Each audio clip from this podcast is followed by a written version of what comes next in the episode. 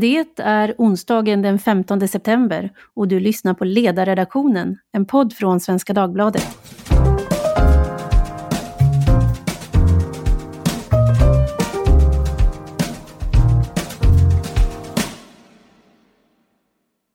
Jag heter Tove Livendal och eh, förra veckan så skrev jag ett så kallat ledarstick, en lite kortare artikel och den handlade om en kampanj som Naturskyddsföreningen driver för att få livsmedelsproducenterna att inte bara tillhandahålla vegetariska halvfabrikat utan också att de ska vara ekologiska.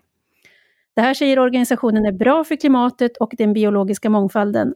Min kommentar handlade om svårigheten i att veta vad det är man köper eh, för hävdat mervärde vid sidan av själva livsmedlet efter att bland annat ha tagit del av en översikt som Livsmedelsverket gjorde 2016, där det sägs att det inte går att säga att det ena produktionssystemet är överlägset det andra från miljösynpunkt för någon livsmedelsgrupp. Jag citerar ur den översikten. Vilket perspektiv som är mest relevant i en given situation beror på vilken eller vilka miljöaspekter som prioriteras samt på de lokala och regionala förhållanden där livsmedelsproduktionen sker. För att kunna ta ställning till om en ekologisk produkt är fördelaktig från miljösynpunkt måste målbilden vara bestämd samt vilka miljömål som ska prioriteras." Slutcitat. Men skulle man fråga allmänheten skulle nog rätt många säga att ekologiskt eller kravmärkt är vad det heter bra för miljön, precis som den så kallade rättvisemärkning som gör anspråk på att förmedla ett högre värde på russinen än bara den torkade druvan.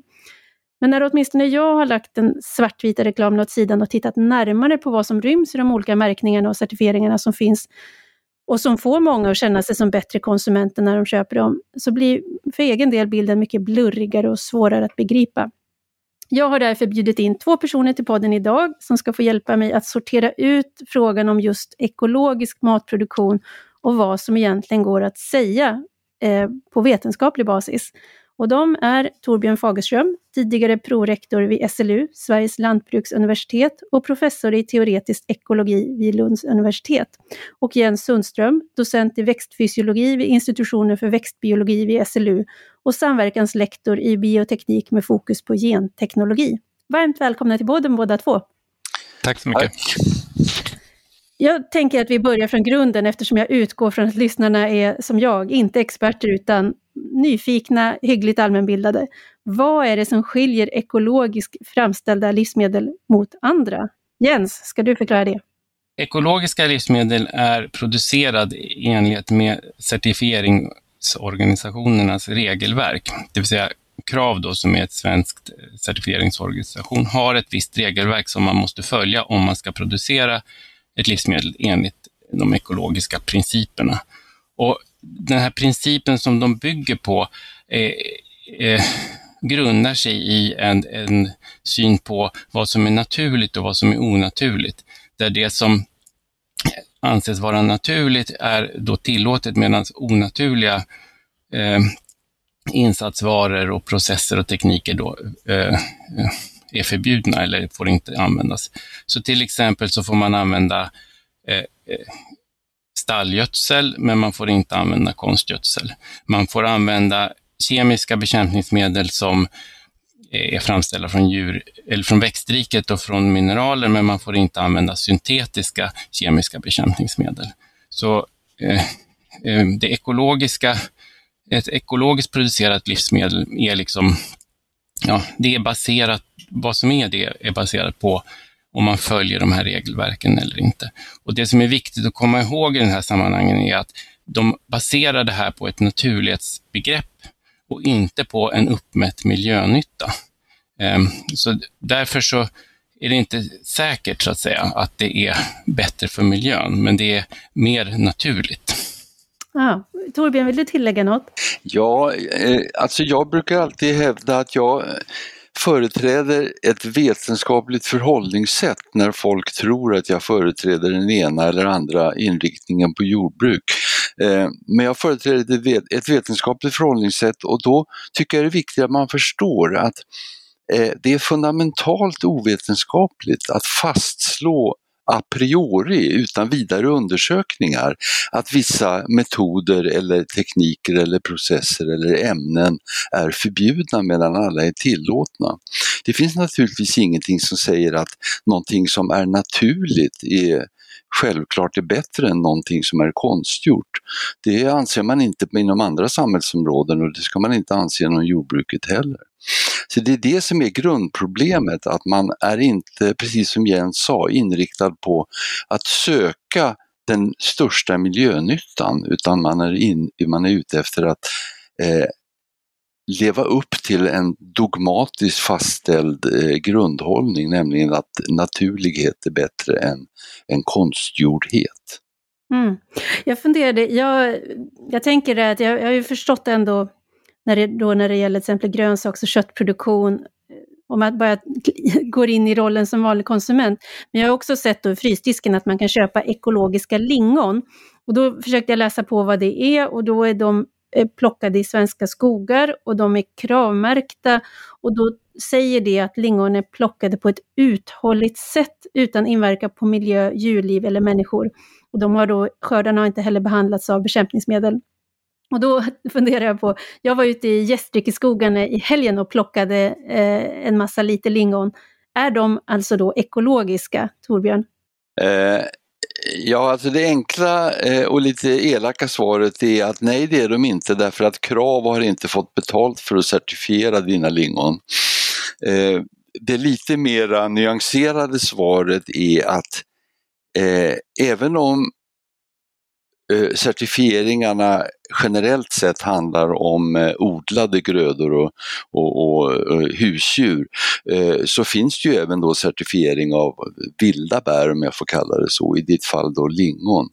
Och den bygger ju då på samma grundidéer som när det gäller de odlade grödorna, att de ska vara fria från gifter, de ska alltså vara plockade i skogsområden där man inte har applicerat några gifter, till exempel på hyggen när man planterar gran eller tallplantor så är ju de ofta behandlade med något kemiskt medel mot snytbagge till exempel.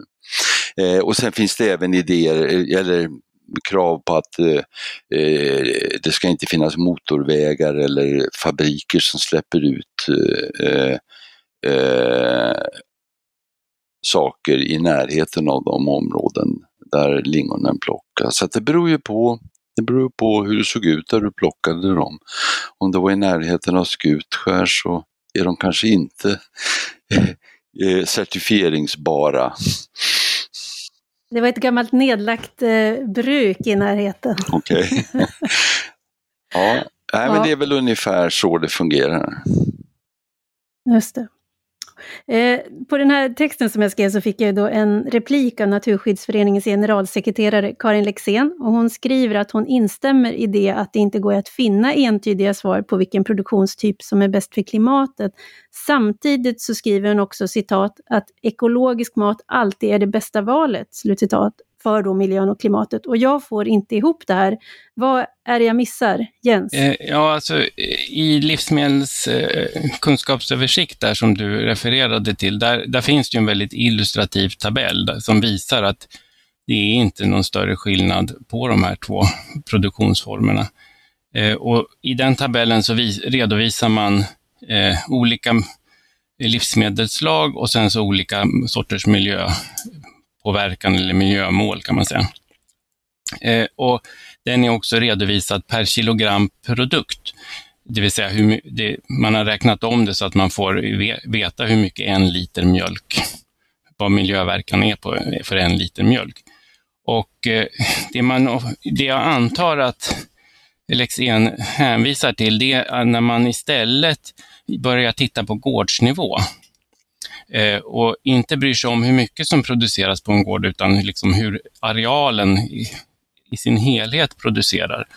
Och då kan man, om man räknar på det viset, så kan man eh, se då att lokalt så får man en, så att säga, en lägre miljöpåverkan eh, bland, av det ekologiska lantbruket. Men, men om man tänker sig att man ändå måste producera den här maten, då är ju det i princip en export av, av miljöproblemen någon annanstans och då finns det studier som visar att då blir faktiskt miljöpåverkan större. Det är lite grann med en parallell till den diskussion vi har om cementproduktion just nu, känner jag.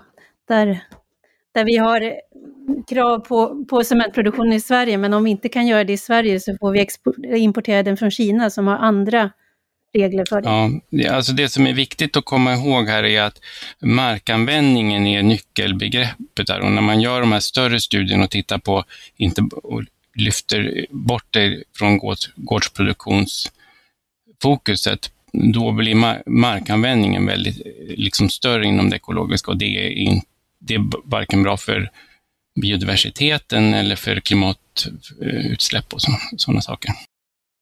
Alltså det här dribblandet med siffror som eh, eh, förespråkarna för ekojordbruket har ägnat sig åt i decennier, det är väldigt försåtligt och ganska fult faktiskt. Eh, när man hävdar att eh, man ska inte räkna miljöpåverkan per kilo produkt utan, utan per arealenhet trots att då eh, ekojordbruket har en mycket lägre produktivitet, kanske 50 till 70 procent. Eh, det är ju så att affärsidén med jordbruk är ju faktiskt att producera mat eller andra nyttigheter. Och då kan man inte räkna per arealenhet. Om man inte bryr sig om hur mycket man producerar per arealenhet, då kan vi ju tänka extremen att vi, att vi har noll produktion. Då får vi också noll miljöpåverkan. Och det skulle ju se väldigt tjusigt ut men alla skulle svälta ihjäl så det är liksom inte någon bra idé. Så det här dribblandet är oerhört försåtligt.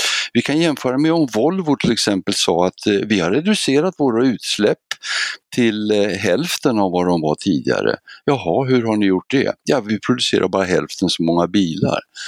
Eh, skulle de säga det så skulle ju alla skratta läpparna av sig därför att man förstår att då måste den andra mängden bilar produceras någon annanstans. Men inom jordbruket så går detta reptrick om någon underlig anledning hem och Karin Lexén ägnar sig alltså åt det fortfarande. Fast vi, har, vi och andra har påpekat massor av gånger att så där kan man inte räkna. Livsmedelsverket påpekade det också.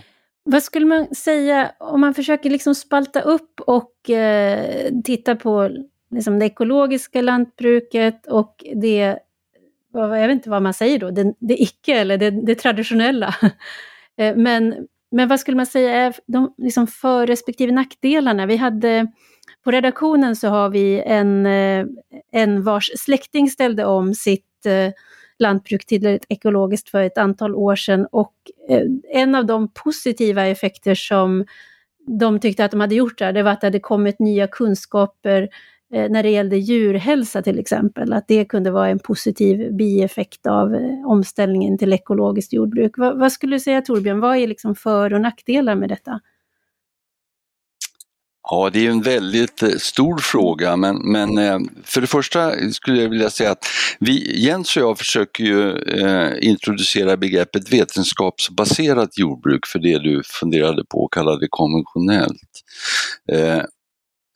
Men grundproblemet är att jag, jag accepterar egentligen inte utgångspunkten att det här skulle vara två likvärda alternativ för jordbruksproduktion som, som kan ställas mot varandra. Det är ekorörelsen själv som försöker bygga den bilden och de har ett eget in, egenintresse av att upprätthålla den bilden. Men i verkligheten så menar jag att eh, eh det vetenskaps vetenskapsbaserade jordbruket det inkorporerar allt som funkar. Till exempel även att inte använda bekämpningsmedel eller att inte använda handelsgödsel ifall det, ifall det funkar. I den meningen så är ekologiskt jordbruk en delmängd av det vetenskapsbaserade. Eh, skillnaden är att det ekologiska bygger alltså på ett antal dogmer som vi har sagt som fastställs a priori medan det vetenskapsbaserade bygger på empiriska resultat och tar hänsyn till, till eh, vad de resultaten säger. Man kan jämföra med alternativmedicin. Eh, där är det ju så att om, om de alternativa Förespråkarna för alternativmedicin presenterar metoder som fungerar, då kommer de omedelbart att inkorporeras i det som kallas för skolmedicin. Så att även där gäller att alternativmedicinen är ett slags delmängd av, av den vetenskapsbaserade medicinen. Men om, om jag ska försöka svara på din fråga då så, så eh, eh är det naturligtvis så eh, att det ekologiska tänkandet då, då inom det ekologiska jordbruket, det har inneburit en del positiva effekter för hela jordbrukssektorn, det ska man nog inte förneka.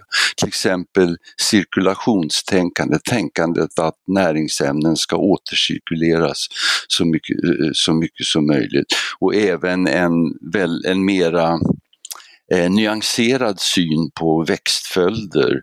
Eh, växtföljder är ju ingenting konstigt inom eh, någon jordbruksinriktning men eh, det ekologiska jordbruket har tryckt på behovet av att föra in till exempel vallar och ärtväxter för att få mera kväve in i cirkulation i jordbruket.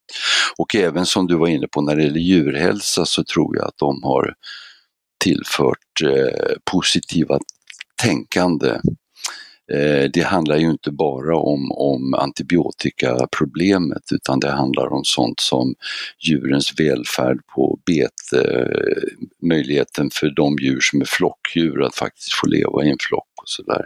Även om det ska också sägas att eh, etologerna och husdjursforskarna är ju ibland ganska tveksamma till eh, vad som är rimligt och naturligt för djuren. Men, men det, det kan vi lämna därhen. Det finns ändå ett sådant tänkande som på många sätt kommer från det ekologiska jordbruket. Nu har jag varit väldigt snäll. Ja, det är, det är viktigt att man, det, man ska ju liksom kunna bemöta de bästa motargumenten. Jag tänker ju bara, bara som egen konsument där så, jag tycker det är trixigt. Jag kan ju tänka sådär när jag står liksom med, eh, det är en sak när, man, när jag tycker att jag upplever mig hitta en skillnad i smak. Och där kan jag tänka mig att ja, men har ja, djuren haft det bättre så kommer köttet att smaka bättre. Eh, sen finns det ibland eh, en, en eh, målkonflikt som kan uppstå där jag vet att det här kanske smakar lite bättre men hållbarheten är väldigt kort. Så att det, det, det blir do, snabbt då, det ekologiska blir snabbt dåligare i kylskåpet. Så att jag, tycker på livsmedelsproduktsnivå så kan man se för och nackdelar med olika livsmedel. Är det, är det liksom är det inbildning eller har, jag, har jag vetenskapligt stöd för den, den kundupplevelsen? Ja, alltså jag, det, eh, nu ska inte jag raljera, men det finns ju en undersökning som har visat att, att folk tycker att ekologiskt smakar bättre. Eh, fast det, det det hänger ganska ihop med att det är ett högre pris och att eh, det finns en märkning. Eh, studien var gjord så att man märkte allting. Man märkte samma produkt olika och då fick eh, den ekologiska produkten högre betyg genomgående. Det är, fast det var samma det, sak. Det är som när man, alltså det här skillnaden mellan märkeskläder och icke-märkeskläder, de är tillverkade på ja. samma fabrik, men jag lägger ett annat värde i det märkta. Mm. Eh, men Precis. jag funderar på det här, för ett ord som hela tiden förekommer när man pratar om de här sakerna, det är ju hållbarhet. Att ja, allting ska vara hållbart och så. Men vad, vad är ett hållbart lantbruk? Jens? Ja, eh, när man pratar om hållbarhet så brukar man prata om ekonomisk, social och ekologisk hållbarhet som, som tre pelare. Eh, och det betyder ju att man ska ha en, en långsiktig eh, lönsamhet på lantbruket eh, och produktionen ska ske på ett socialt acceptabelt sätt så att eh, de som jobbar inom lantbruket ska eh, kunna leva och må bra. Eh, och sen ska det också då ske med en så låg miljöpåverkan, så låg negativ miljöpåverkan som möjligt. Eh, det är ju de som tre pelarna. Och nyckeln i det här, som jag ser det, det är att man måste göra det här med en bibehållen produktivitet. Det alltså produktion, produktiviteten i lantbruket är jätteviktig eh, samtidigt som den innebär ett visst, så att säga, en utmaning eftersom när man producerar på, lantbruk, på jordbruksmark så, så innebär det en miljöpåverkan. Eh, och det är därför man måste så att säga, ha en hög produktivitet där man odlar så att man kan avsätta mark eh, till annat. Alltså det här med miljöpåverkan tycker jag är viktigt att vi kommer att komma ihåg att det jordbruket eh, är inte bara en faktor som, som förorsakar negativ miljöpåverkan eh, utan den förorsakar faktiskt positiv miljöpåverkan också. Eh, hela det kulturlandskap som de flesta av oss har lärt oss att älska ända sedan barnsben, Bullerbylandskapet om man så vill, eh, det är ju faktiskt mulens landskap väsentligen. Det är, det är danat av jordbruk och av betande djur. Eh, och ibland så tenderar vi att glömma bort eh, att eh, jordbruk har både positiv och negativ miljöpåverkan. Så jag tycker att eh, hållbarhet kan definieras som ett jordbruk som maximerar den positiva och minimerar den negativa miljöpåverkan vid sidan av de, de, andra aspekterna, sociala och så vidare, som Jens tog upp. Mm.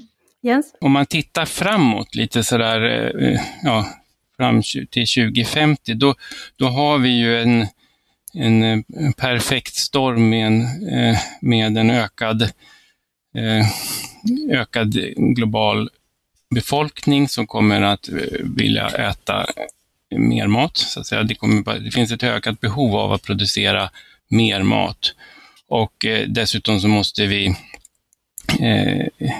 släppa ut mindre växthusgaser och vi måste göra det på befintlig jordbruksmark. Och det här, de här tre, marken, utsläppen av växthusgaser och befolkningstillväxten tillsammans ställer enorma produktivitetskrav på lantbruket som vi måste möta. Så att ett framtida hållbart lantbruk, det måste vara eh, produktivt och alla metoder som vi så att säga väljer för att utveckla ett hållbart lantbruk i framtiden måste sättas mot en produktivitetsmåttstock. Eh, för lägger vi på saker som gör att vi minskar produktiviteten i lantbruket, då kommer vi inte att eh, kunna föda världens befolkning.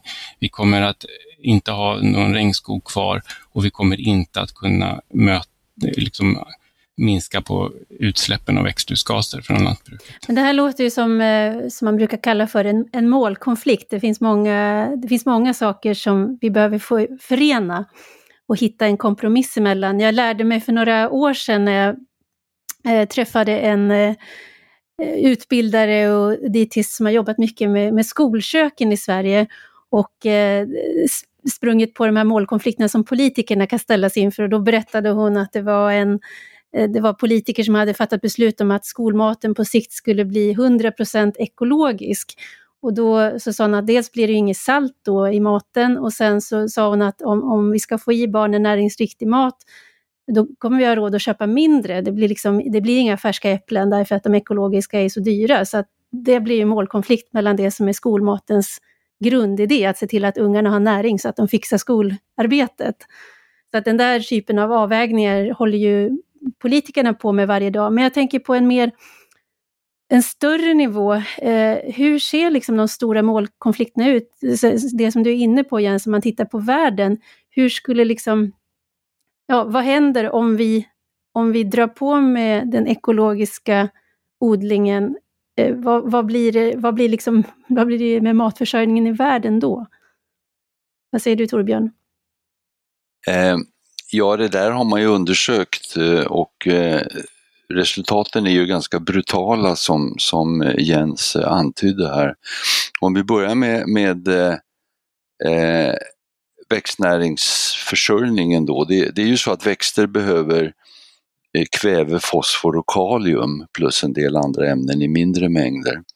Och fosfor och kalium det bryts, det är mineraler som bryts. Eh, kväve ingår naturligt i ett, ett kretslopp där bland annat ärtväxter kan plocka upp eller fixera som man säger kväve ur luften och det kan sedan eh, komma betande djur och så vidare till godo. Eh, och det vi gör i jordbruket är att vi boostar genom att ge dem extra tillskott av de här näringsmedlen och därigenom kan vi öka produktiviteten. Eh, men ekojordbruket parasiterar kan man säga på det, på det vetenskapsbaserade eller det konventionella jordbruket genom att köpa in sådana saker som gödsel, kraftfoder, halm och en del andra saker från konventionellt jordbruk. Och då har man räknat ut hur stor import av växtnäringsämnen som i verkligheten sker.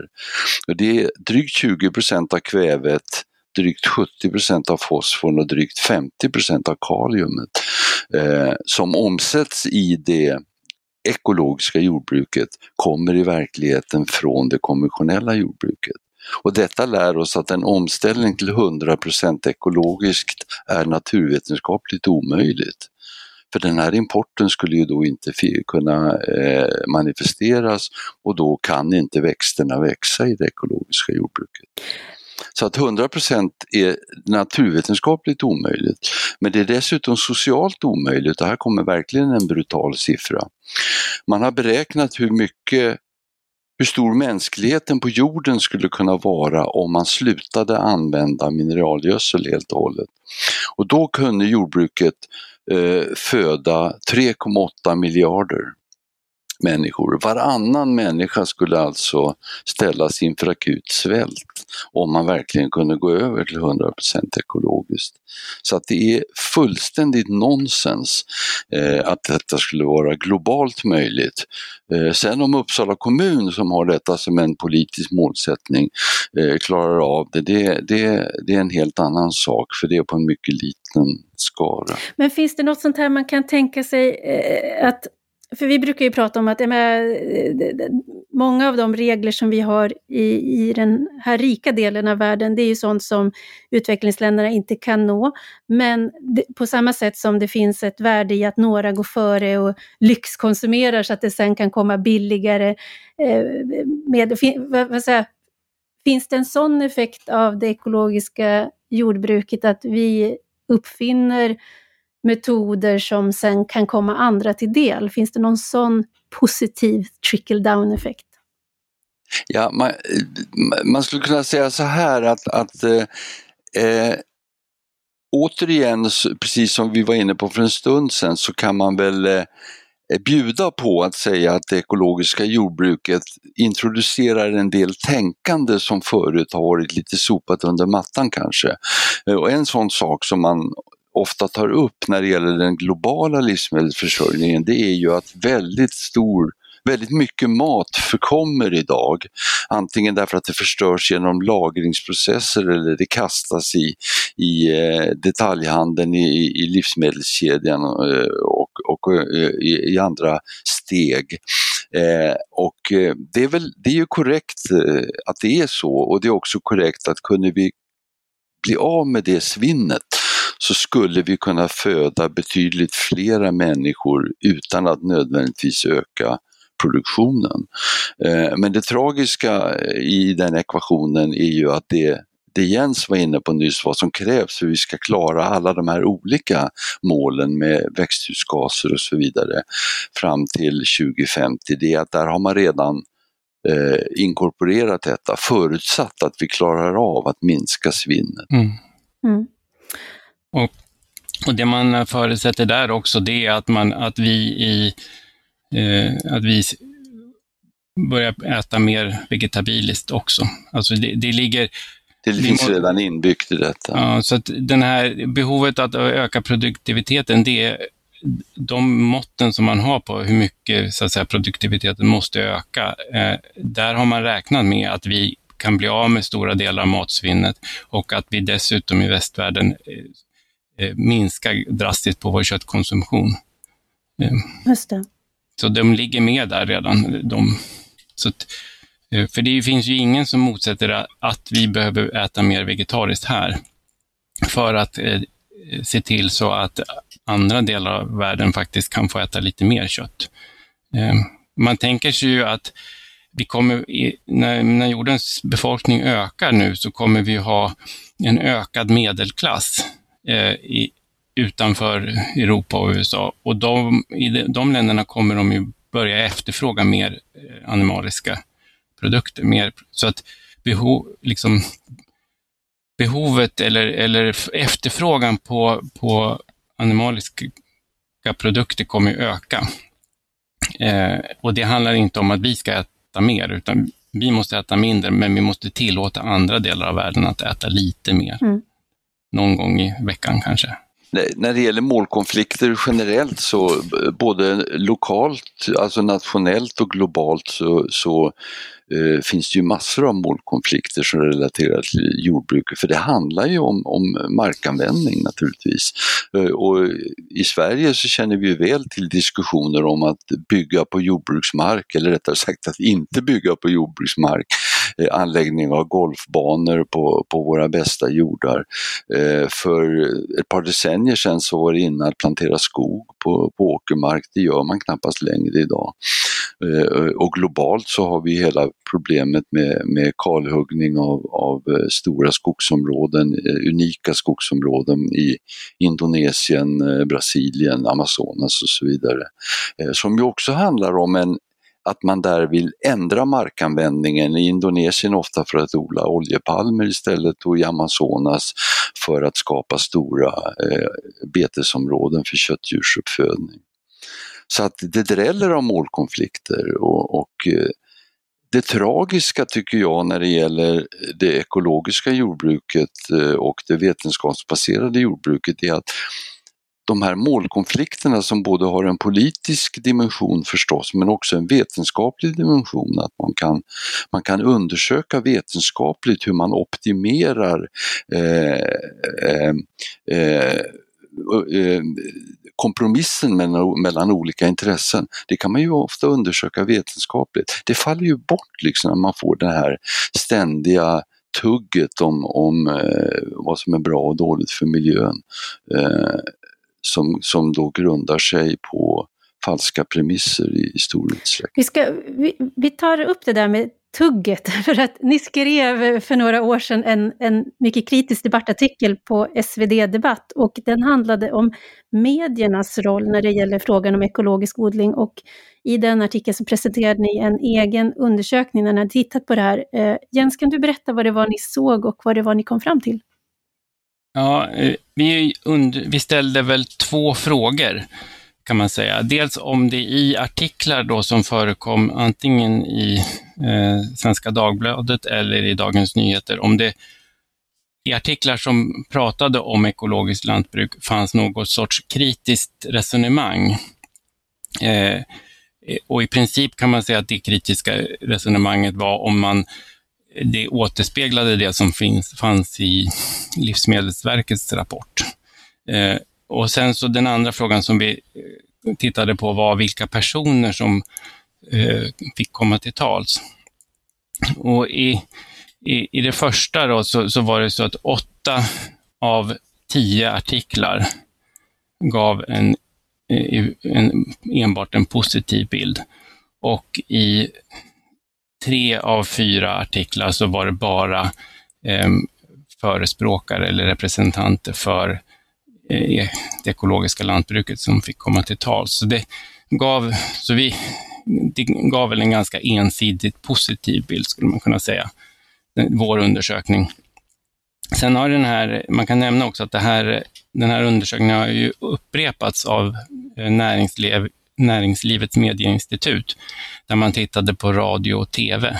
Och de kom till i princip samma resultat som vi fick, hade. Mm. Och vad tänker ni om det? Jag tror att det återspeglar kanske den här, det, det faktiskt extremt goda rykte som certifieringsorganisationerna har där, man, där de liksom tas, det, är sån så att säga, etablerad sanning att den här märkningen är någonting bra. Så det fråga, grundställningen är att de är liksom representerar någon sorts objektiv sanning i det här fallet. Och eh, det, det är väl också så att det är delvis en livsstilsfråga. Där, va? Och man frågasätter ju inte saker som, som så att säga, ligger i linje med den egna livsstilen. Vad säger du Torbjörn? Ja, eh, Jens sa just vad jag, vad jag egentligen hade tänkt lägga till, men det är klart att, att det här är ju en, en exempellöst framgångsrik marknadsföringskampanj eh, som det ytterst handlar om. Eh, eftersom, eftersom det i, i allt väsentligt saknar så att säga sakliga skäl för varför folk skulle betala eh, 20, 30, 40, 50 procent mera för maten än vad de behöver göra. Eh, och, och, ändå så gör konsument, mängder av konsumenter det.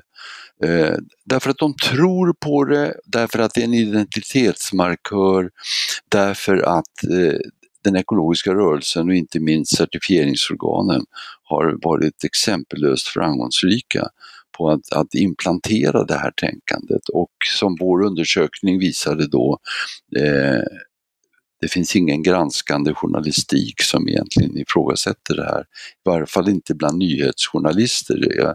Vi ska understryka, och inte bara för att, för att eh, smöra inför dig Tove, att, att ledarredaktioner och debattredaktioner har ofta tagit upp de här frågorna mm. i, i en mera kritisk anda så att säga. Just det. Ja, nej men det är ju, jag tänker också att det, det är inte, det här området är nog inte det enda, utan då och då kan det ju bli så att vissa frågor, grundpremissen ifrågasätts inte, utan man så att säga, går någon annanstans i debatten. Man brukar ju säga det här att egenintresset ljuger aldrig, eh, och vilka intressen finns på det här området som man bör vara uppmärksam på om man då vill skaffa sig en mer källkritisk eller ja, kritisk granskande hållning till de här frågorna? Torbjörn? Det är spännande att du citerar Marx. Eh, eh, men, men eh, det är bara att konstatera att, att där hade han väldigt rätt, för jag tror också att det är så att egenintresset ljuger aldrig.